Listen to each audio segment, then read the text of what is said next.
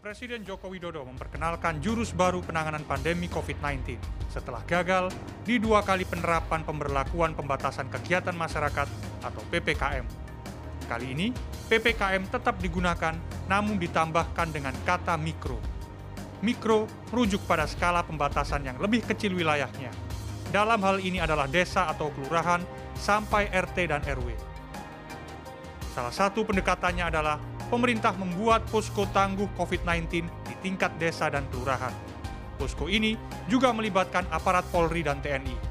Tugasnya tak jauh berbeda dengan posko-posko serupa yang sebelumnya pernah dibuat, yakni meningkatkan kesadaran masyarakat untuk menerapkan protokol kesehatan, pelayanan, dan pusat kendali informasi.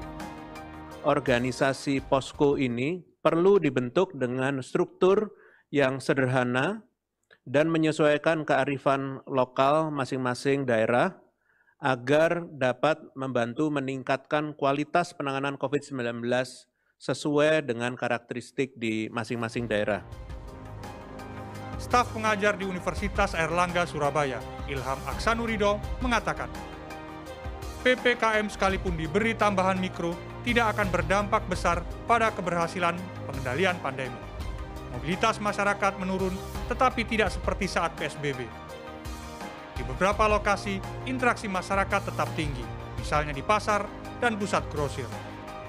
Satu hal yang ia soroti adalah pergerakan manusia yang masih bebas dan lintas wilayah. Menurut nggak banyak efektif, mas. Karena apa? Pergerakan orang tetap terjadi di mana-mana. Kita nggak ada nggak ada pembatasan wilayah, ya, nggak ada konsep karantina wilayah dari awal ya. Ya menurutku sih susah juga.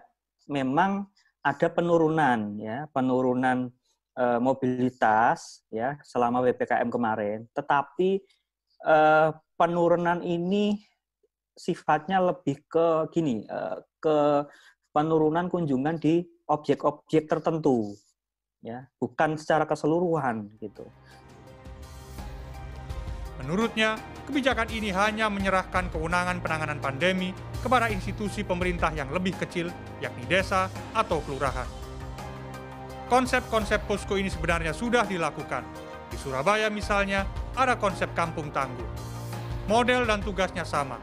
Ada posko dan meningkatkan kesadaran warga untuk taat protokol kesehatan.